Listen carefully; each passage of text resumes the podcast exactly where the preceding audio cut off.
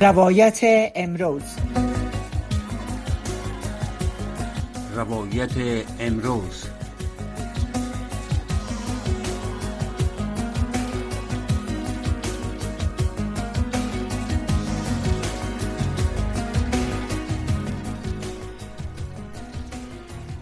بینندگان و شنوندگان محترم سلام.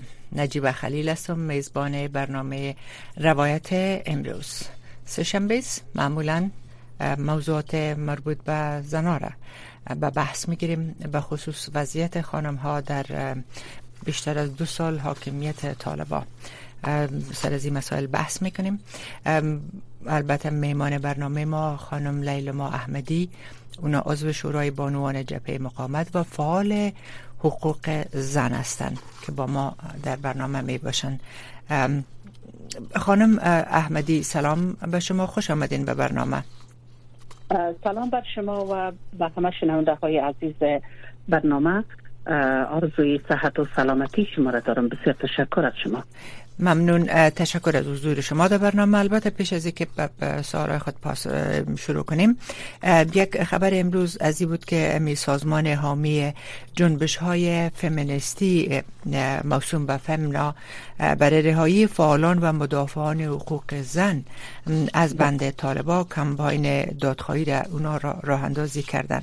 این سازمان که در راستای حمایت از مدافعان حقوق زن و حقوق بشر فعالیت می‌کنن امروز سهشنبه با نشر بیانیه گفته که بیش از یک ماست که ندا پروانی و جولیا پارسی و اخیرا منیجه صدیقی توسط طالبان بازداشت شدن. کسایی که از حقوق زنها در افغانستان البته اینا دفاع می‌کردن و در اعتراضات اشتراک می‌کردن صدای خود بلند می‌کردن. فمنا تاکید کرده که حال زمان مطالبه پاسخگویی حصول اطمینان از برسمیت شناخته شدن و حمایت از صداها و حقوق زنهای افغان تیر شده. ضمنا ای چی گفته شده که به ادامه البته به دادخواهی خود این خانم ها گفتن که در نمایندگی های با فمنا همه خود از این نهاد از یونما و نمایندگی های دیپلماتیک در افغانستان می‌خواین تا برای بر سر طالبا فشار وارد کنند که و خواستار پایان دادن به حملات علیه زنای مدافع حقوق بشر و که البته این عملاتشان حملات هدفمند میگه است. علیه زنان مدافع حقوق بشر و دیگه بازیگران مدنی در داخل کشور شدن. خب البته این تنها این آخرین یعنی تازه ترین واکنشش از یک جنبش که در دفاع از حقوق زنان هستند در مدتی بیشتر از دو سال که البته حقوق زنا آنچه که ادعا بله. می‌کنن از پیشان گرفته شده مکاتب بسته زنا اجازه کار ندارن و حتی حتی اینا از خانه بدون محرم برآمدن. می‌تونن گفته میشه که اینا رفتن و اجازه رفتن به پارک ها و حمام های عمومی اینا را ندارن. نهادهای مختلف. نهادهای جهانی نهادهای بین المللی این تقاضا را طالبا کردن و گفتن که باید حقوق زنا به رسمیت شناخته شود. نصف قشر جامعه است حدود 22 میلیون. ولی طالبا تا حال هیچ وقت نگذاشتن. به صداهای از نهادهای بین المللی و خود زنا در داخل افغانستان برعکس. طالبا میگن که خانم ها از حقوق خود برخوردار هستند حتی میگن حال در تحت حکم روایی از اونا از حقوق بیشتر برخوردار هستن. میگن کار می‌کنن میگن که خب مکاتب تنها تا سنف شش و مکاتب هم هیچ وقت نگفتن که مخالف درس و تحصیل دختر هستن اما همیشه گفتن که کار می‌کنن روی مکانیزم و اینا یا یا موضوعات دیگه نصاب درسی از این قبیل. اما تقریبا بیشتر از دو سال شد که مسدود است. چرا فکر می‌کنین اینمی فشارهای جامعه جهانی و جامعه بین المللی نهادهای مختلف در آنچه که می‌خواین اثرگذار نبوده تا حال سر حکومت طالبا و رهبران طالبا بله. بسیار تشکر. یک حقیقت بسیار مسلم است که طی بیشتر از دو سال شده که حکمیت طالبان در افغانستان ادامه پیدا کرد. متاسفانه که جهان و حامیان بین المللی مردم افغانستان کمتر متوجه مردم افغانستان شدن و بیشتر به مسائل اوکراین پرداختن والا هم تحت پوشش موضوع جنگ اسرائیل و فلسطین قرار گرفت موضوع افغانستان کاملا از از سطحی توجه جهانیان و نهادهای بین المللی حقوق بشری و نازها و سازمان هایی که باید به زمینه توجه بکنن برداشتش به ذهن و فکر مردم افغانستان و تقریبا این حدس و گمان ها دقیق هم هست این بسیار مشکل کلان و موضوع بسیار مهم برای مردم افغانستان و حتی برای جهان است. مثل که شما گفتین فعالان حقوق بشر فعالان حقوق زن در افغانستان و همه و همه در این مورد صداهای خود بلند کردن اعتراضات کردن در کشورهای مختلف. خیمه تعصن برپا کردن و بالاخره از جهان خواستن که چه زودتر توجه بکنن. ببینین حتی طالبا می‌تونیم گفته که اینا یک در مورد نقض حقوق بشر واضحی نقض صورت عمل می‌کنند مثلا در مورد کشتارها و حملات هدفمند و قلم تحت تسلطشون تعامل با گروه تبکار طالبان که باید متوقف شود و گزارشگر فیجی سازمان ملل جنایت جنگی طالبان را باید به گونی رسمی وارد گزارشات این سازمان بسازه توقع همی از ستم تاریخی که بیشتر پیشنی طولانی در افغانستان داره با تسلط دوباره طالبان که یک بار دیگه در سالهای قبل 20 سال قبل اگر ما بعد بگردیم این موضوع بود. در این کشور به یک روی کرده بسیار مدون و برنامه ریزی شده. مبادر شد قتل های هدفمند و هدف قرار دادن افراد. از تبارهای معین در کنار حذف سازمان یافتی آنان از تمام ساختارها و گونه پیوسته سوی طالبا به کار برده میشه ببینیم که زنا باید از که از همه امتیازات زندگی بشری در افغانستان حذف شدن و کاملا یک یک موضوع بسیار روشن است. و هدف اصلی در پهلوی از هدف اصلی ای روی ضد اسلامی و ضد انسانی طالبا همچنان حذف قومیت های معین و سرکوب غیر خودی ها که به باور گروه فعالان حقوق بشر البته سیاست و عملکرد ریشه در تفکر جویی قومی و نجات گرایی طالبا و هم همچنان هم باورانشان داره. گروه فعالین حقوق بشر که در کنار محکوم کردن رویدادهای که صورت می‌گیره و ویژه تیرباران جوانان غیور ولایات مختلف به خصوص ولایت پنشیر که همین ما شما مستندات شد داریم در پهلوی زنان در کابل و انفجارشون در یک باشگاه ورزشی که چند, چند روز قبل رخ داد و همچنان این رخدادها و همه موضوعات را که ما شما شاهد شستیم اعمال خوشنط باری است که طالبا ایره صورت می از جانب طالبا صورت می‌گیره. بنابراین این موضوع بسیار ارتباط می‌گیره به جامعه جهانی که باید هر چه زودتر در زمینه توجه کنن بر مردم افغانستان. ببینین آلای آیشان چونین است چون فرصت ها برشان داده شده از طرف جامعه جهانی. وقتی که توجه صورت نمی‌گیره وقتی که به گونه های مختلف برای طالبا همکاری صورت می‌گیره. یا پول فرستاده میشه. و یا که به نحوی ما شما آل شاهد هستیم که سفارتخانه هایشان در کشورهای مختلف سفارتخانه های افغانستان تحویل داده میشه. ببین این خودش نشان میده که حمایت طالبان و گونه غیر رسمی از جانب کشورها صورت می‌گیره. و این زمینه رو زیادتر مساعد می‌سازه که تا اینا قدرت بیشتر پیدا بکنن و اهداف را که دارن رو تطبیق بکنن. حالا میگن که زنان در افغانستان آزادی خود دارن. ما برای زن کدام مشکل را خلق نکنیم واقعا ببینیم. حالا زنها در شهر و بازار گردش می‌کنن بخصوص در شهر کابل بازار میرن مثلا میگردن. اما ببینین انسان چگونه باید بگردن؟ باید باید محرم خود بگردن. باید سراپا پوشیده باشن. باید اختیار لباس پوشیدنشان اختیار کار کردنشان اختیار زندگی کردنشان به دست یک مرد به نام محرم باشه که طالب باید اجازه بده. این همه موضوعاتی است که من نمیفهم آزادی زنان اینا چگونه عنوان کردن البته با مدرت خانه گپتان ببخشین که قطع کردم یادتان نره. یک تازه در, در رابطه به که خانه ما میگردن یعنی کسی که تازه از افغانستان آمده تقریبا یکی دو هفته پیشتر. البته او امی مسئله را برای ما گفت. کسی است که می‌شناسم که گفتن به میدان وقتی که داخل شدیم خانم ها کار می‌کردن در میدان هوایی کار می‌کردن حضور داشتن. یا مثلا که شما اشاره کردین که میگردن بیرون مثلا بر رستوران امی آدم خودش شاید بوده. یعنی یک کسی نیست که بگن که از جمله طالبا بوده. فقط اما چشم دیده خدا گفت که مثلا دختر خانم ها می آمدن به حساب به شکل گروپی دو سه سه نفر چهار نفر. فقط اما یک چادر به سرشان می بود و می آمدن به رستوران ها مثلا نان می خوردن. برحال در شما قبلا اشاره کردین که عمل کرده طالبا را غیر اسلامی گفتین.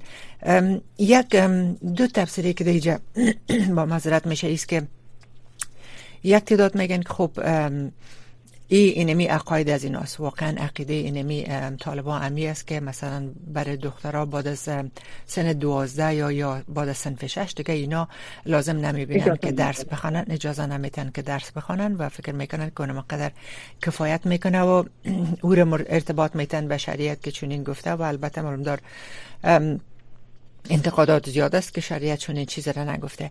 یک موضوع دیگه که در این اواخر بیشتر سر از بحث میشه ایست که میگن که رهبرای طالبا در امی 20 سال گذشته که اینا مبارزه کردن بر امی جنگجویای خود. ایره گفتن که اینمی موجودیت نیروهای خارجی در افغانستان که خودش نامش اشغال ماندن و خود دموکراسی گفتن که اینا بر از اونا گفته شده که اینا در مغایرت با اسلام هستن. اینا با مخالف دین اسلام حرکت می‌کنن. و با اما طرز دیدی که اونا داشتن برشان همطور تلقین شده که اینا مخالف دین هستن. و باز یعنی یکی مکتب رفتن دخترها و آزادی خانم ها را یکی از مستاقای از او می‌دانن که مثلا نشان میگن که زنا در دین اسلام چون این چیز گفته شده و اینا زنا اینطور میرن و گرچه که هیچ وقت زنا در افغانستان سرلوش نه اکثریتشان امو چادر یا چیز بله. است که میپوشن دخترها در مکتب فرم داشتن. اما برای اونمو جنگجوهای خود اینمو تو گفتن که اینمی مکتب رفتن. دخترها یکی یکی در مغایرت با دین اسلام است. بنان آل میگن با وجودی که اینمی رهبرایشان نفرایشان با وجودی که می‌فهمن اینمی گپه که تحصیل بسیار مهم است برای مرد و زن در افغانستان که باید اینا تحصیل یافته و تعلیم یافته باشن اما اینال میگن که اگر اینا مکاتب درش باز می‌کنن دانشگاه ها رو باز می‌کنن زن خانم ها اجازه میتن برن دوباره کار کنن اینمی ترس از دارن که اونمو خطر کسایی که پیروایشان اونمو جنگجویاشان اونمو ممکن است که جداشان از اینا یا اینا را ترک کنن و ایره مثلا یا درک کنن که شما خواهی چیز می‌گفتین در 20 سال برای ما. شما بر کدامش فکر می‌کنید؟ واقعا واقعا یک موضوع بسیار پیچیده در افغانستان است بخصوص در حاکمیت طالبا در اینجا که ما شما می‌بینیم. طالبا یک گروه بسیار خطرناک هستند. مفکوره و ذهنیت هایشان کاملا تاریک است. ببینین اونا مثلا به خاطر قدرت بر از گرفتن قدرتشان یا قدرت نماییشان در در یک منجلاب گیر ماندن. دسته های مختلف در گروه شامل هستند. افراطی که فوق العاده افراطی هستند افراطی که میشه که دستبندی بکنن به زعم خودشان میانه رو هستند و به این شکل. بعضی هایشان که حالا نظرشانی است که اگر ما بخواهیم که مکاتب یا دانشگاه ها را باز بکنیم با عکس العمل گروه کنترل و خود مقابل میشیم و اونجاست که دوباره با, با یک هرج و مرج بسیار فوق العاده بین حزبیشان یا بین سازمانیشان یا مقابل میشن و پس دوباره طبعا قدرت و هرج مرجی که به وجود میاد قدرت از دستشان میره. به خاطر به داشتن قدرت اینا ترجیح دادن که باید با مو افراطی گرای افراطیشان اینها باید تفاهم بکنن. تعامل بکنن سازش بکنن. بنابراین ببینید که ما می‌بینیم که برای آینده مردم افغانستان و برای آینده خود جغرافیای افغانستان خیلی خطرناک است. زمانی که یک کشور در تحت تسلط چنین ذهنیت های تاریک و افرادگری قرار می‌گیره ببینید نسل ها و خانواده ها ذهنشان به افرادگرایی خواهی نخواهی کم کم آماده میشه برای دختر خود مثلا همیشه خود همیشه ای, ای باز تجربه نشان داده که بعد از ازی که ختم میشه طالب انشالله که با ذهنیت هایشان نمیمانه و از بین میرن و هیچ وقت پایدار نخواد بود ظلم و این که با فرهنگ امی خشونت و فرهنگ که بالای یک جامعه تاثیر گذار می باشد تا یک مدت این تاثیر گذار می باشد که دوباره باز کار ضرورت داره تا بتانی فرهنگ دوباره اسلام سازی ذهنیت ها را بله. آماده بسازی بله. بالای خانواده ها تاثیر داره که خانم ها را و ها را باید سخت گیری بکنن چادرتان از سرتان دور نشه لباستان باید چنین باشه مکتب باید برین.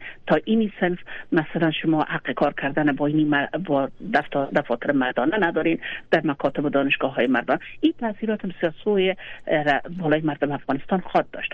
اما گپ این است. موضوع مهم این است که حالا هیچ گونه هیچ گونه ما نمی‌تونیم امیدواری بر ازی داشته باشیم که امروز خانما اگر در شهر کابل گشت و گذار می‌کنن اگر در رستوران ها میرن اگر در میدان هوایی در, در بعض دخترها به عنوان از برنامه های یا از رشته های پلیس پلیس ملکی بله. در اونجا مصروف هستن و باید کار بکنن ما ایره نمی‌تونیم بگوییم که افغانستان شمول این بسیار خطرناک است و خیلی هم خطرناک است و اینا مجبور هستند که و ضمنا برای ما بسیار مهم است زنی که در هر گوشه و کنار افغانستان فعال باشه که کار بکنه و او یک یک روشنگری را به وجود میاره اما ذهنیت های منفی دیگه که اینا در افغانستان بار آوردن متاسفانه متاسفانه مو امو قومگراییشان است که حتی موزنایی هم که برشان اجازه میده باید از خودشان باشه از قومشان باشه یا مثلا حمایتگرشان بگونی باشه که اینا باید اعتماد داشته باشه که اون ها کار می‌کنن بله. به اینا ما ما به باور نیستیم که فقط حالا آزادی در افغانستان آمد بله. آزادی زمانی از در یک کشور که همونطور که ما پابند دین اسلام خود هستیم پابند از هستیم که اسلام گفته که ارزش علمی و آموزشی برای هر فرد هم خیلی مهم است و ما به مدارج عالی ترقی و تعالی باید بریم. شما ببینید آلا شفاخانه های ما کمبود زنها را داره مکاتب ما کمبود زنها را داره بله. جامعه ما کمبود زن داره. جامعه که زن در او فعالیت نداشته باشه ما از آینده نسل بعدی چی توقع را باید داشته باشیم؟ بله. خانم احمدی البته پیشتر شما اشاره کردین که اینا کسایی هم که به کار گماشتن از اون قوم خودشان یا از خودشان است. البته ایره در ابتدا هم با سخنگوهای طالبان که صحبت کردیم این مسئله رو خب یک چیزی میگر یک تعامل یک روند معمول است برای هر گروهی که روی کار میه یا هر حزبی که مثلا روی قدرت میه اینا می‌خواین که نفرای خود برای که نفرای اعتمادیشان است. کسایی رو به بله. کار بگمارن که سر از اعتماد می‌کنن تا کسایی که نمی‌شناسن اینا یک گپ البته گفتن. دوم شما از افرادگرایی صحبت کردین که البته بازم ایران گفتین که افرادگرایی تا چه زمان می‌تونه که دوام پیدا کنه. خود افرادگرایی و تفریدگرایی. افراد و تفرید همیشه چیزی خوب نبوده و می دلیل میگن اعتدالگرایی اعتدال باید باشه که البته خب. شما میگن و بسیاری ایره رد می‌کنه مثلا شما اشاره کردین البته در برنامه قبلی هم سر ازی گفتش صحبت کردیم که مسئله در قسمت بخش صحی قلت زیاد موجود است در نرسا و دکترها. امین به یادم میاره مسئله خوب البته هیچ وقتی فراموش نمیشه متاسفانه حالت بسیار غم انگیز هرات که دی هفته هاست که اینا امو زلزله ها و پس زلزله ها و اینا مردم بسیار در بدر به اصطلاح خاک و سر کرده خانه هایشان رفت از بین و, و با بله. کمال تاسف اکثریت قربانی ها هم گفتن که خانم ها و اطفال است. و در شفاخانه هم کسایی که بسیار زیادتر کسایی که بستر هستن خانم هاست این حال مسلما طالبا خب البته ایره میگن که دکتر خانم ها را دکترای مرد اجازه نمیده که خانم ها را ببینه و یا تداوی کنه. بنان اینا اطور گفته شد که از کابل و ولایت دیگه نرسا و دکترای زن بردن که در ایراد کمک کنن و حتی یکی از فعالین حقوق زن در خود ولایت ایراد اونا متاثر به بودن که خودشان اجازه نداشتن که برن فعالیت کنن. اونا گفتن که از محصلین سنف چهار و پنج فاکولته طب دخترا را که باز باز, باز مسدود شد دیگه نماندن که ادامه بتن شش و هفت خلاص کنن یا هفت سال خود پوره کنن به حساب. از اینا خواسته شد که باید برن در شفاخانه ها کمک کنن. من می‌خواستم میره از شما هم بپرسم. البته یک سوال است که می‌تونید فکر می‌کنین که حداقل با دیدن اینمی حادثه بسیار تلخ مرگبار که متاسفانه هزارها نفر قربان جان خود از دست دادن و در اینمی حالت چقدر موجودیت زنا زنای کارمند زنایی که دکتر هستن نرس هستن و در بخش صحی کار می‌کنن در مجموع چقدر مهم است؟ آیا فکر می‌کنین با در نظر داشت از این وضعیت طالبا ممکن است به امی تصمیم بگیرن اتخاذ بکنن و امی مسئله را درک کنن که در دانشگاه ها را باز کنن دخترها را بمانن و تحصیلات خود ادامه بدن در مکاتب باز کنن و دختر خانم ها را اجازه بدن که برن در کار کنن؟ فکر می‌کنین که ما ما فکر می کنم نجیب جان عزیزم که اینا شما آگاهی داشته باشین باورمند هستم که رسانه ها بسیار از طریق مختلف ایره بر آگاهی مردم رساندن از شبکه های اجتماعی از همه رسانه ها در آغاز حادثه متاسفانه علمناک هرات که همه متاثر هستیم نسبت به پیش آمد و یا این حادثه. در آغاز حتی دخترها و خانمایی را که شتافتن به عجله که رفتن باید کمک بکنن باید نجات بدن. هموطنان خود خانواده های خود. طالبا بر از ممانعت ایجاد کرد. اجازه نمی‌دادن که پیش برد باز پسان نهادهای مختلفی که برای کمک رسانی در هرات خواستن که دست به کار شوند حتی امدادگرانی که زن بودن اونا را اجازه نمی‌دادن که باید داخل این سیستم شوند. بعدا ملاهای بسیار تاریکندیش و می طالبایی که افراد افرادگر هستند تمامشان در مجموع. تا در موعظه های دینیشان اونا خطاب کردن که حادثی که در هرات رخ داده این زلزله که رخ داده ارتباط دادن برای اعمال مردم که گویا خدا نخواسته مردم افغانستان چون گناهکار بودن خداوند در شد سزایشان نداده. و به این اساس اینا ایره خواستن که بر زوان و ذهن مردم دیگه هم مخصوص بسازن و خیلی آزاردهنده باشه برای مردم افغانستان و به خصوص برای حیراتی های عزیز ما. اینا حتی به این اندازه یا رفتار و عمل کردار به سرزشت خود داشتن. با زمانی که